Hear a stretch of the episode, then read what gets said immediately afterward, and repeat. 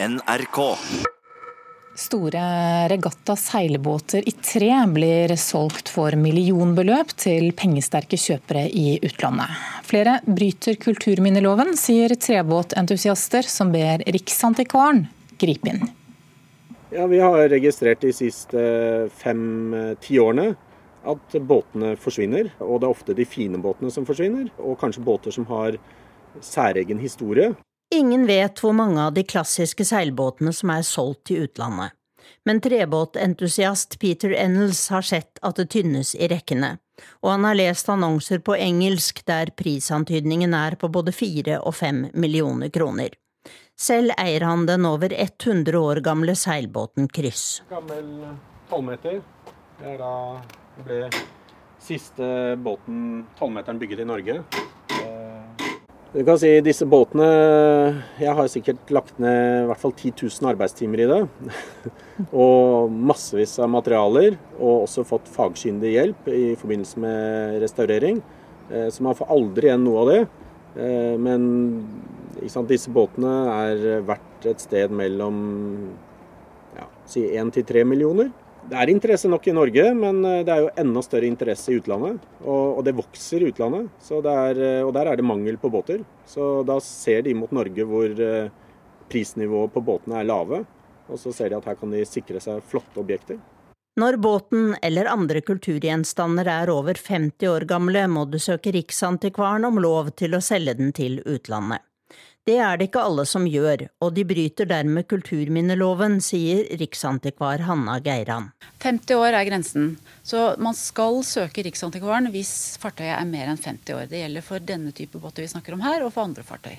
Men har du søkt om lov og fått ja, så kan ingen stanse salget.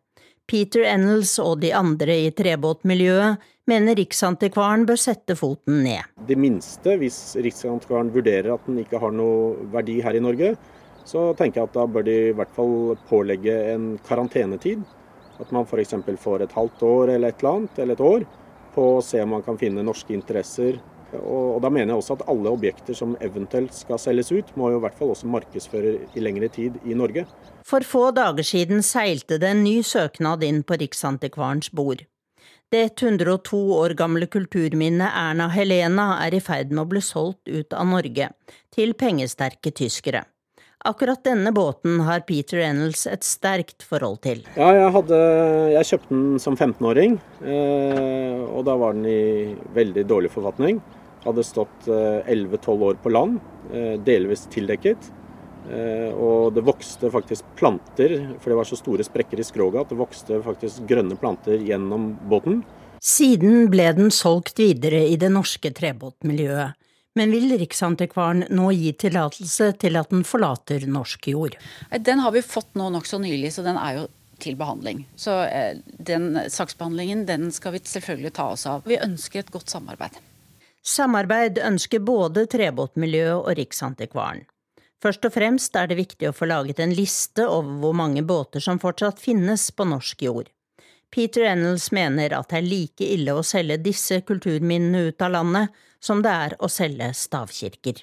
Hadde du eh, på en måte lagt ut en stavkirke for salg, så hadde du fått folk fra Tyskland, Nederland eller Japan eh, gledelig til å kjøpe de.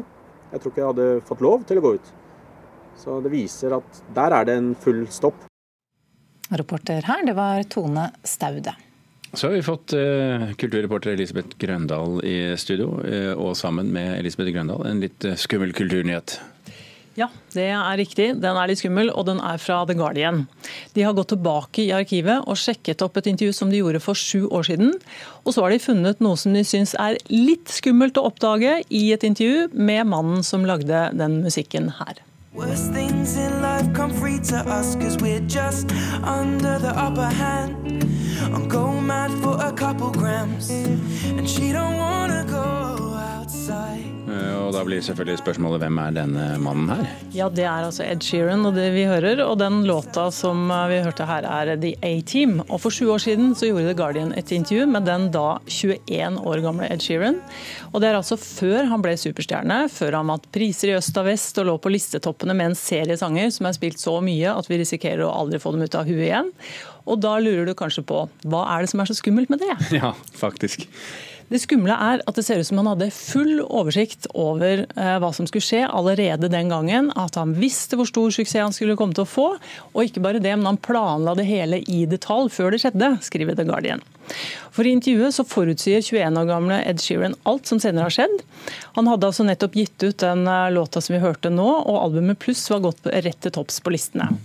Og det man kunne se for seg var at hun kunne være, være sånn overveldet av glede og overraskelse over å gå så til topps. Men nei da.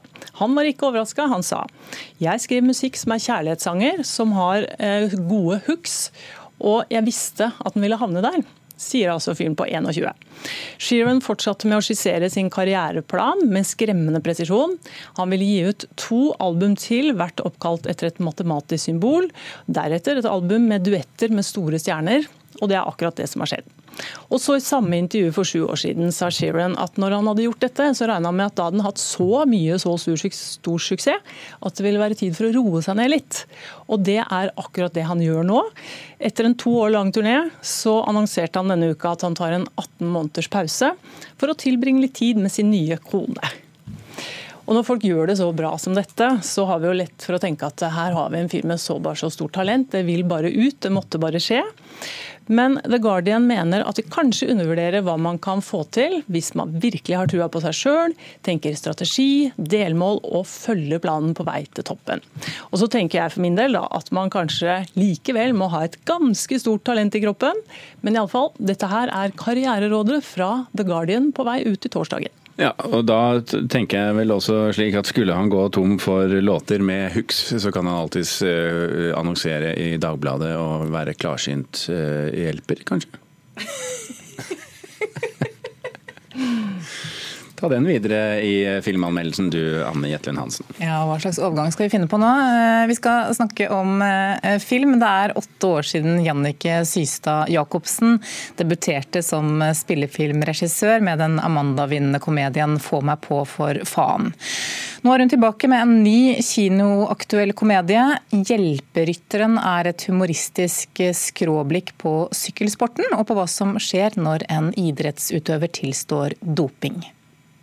Hvordan skal jeg si dette her på en ok måte? Du var jo sjef for det norske sykkellandslaget. En levende legende innen sykkelsporten. Og så innrømmer du bruk av prestasjonsfremmende medikamenter i store deler av ja, Men alle vet hvordan det var på den Nei, tida. Nei, det er det vi ikke skal gjøre, ikke sant? Sort humor, satire og lett surrealisme blandes sammen til en sjarmerende smart, men ujevn dramakomedie i Hjelperytteren. Med sykkelsportens dårlige dopingrykte som bakteppe treffer regissør Jannike Systad Jacobsen flere ømme tær hos både idrettsutøvere, media og folk flest.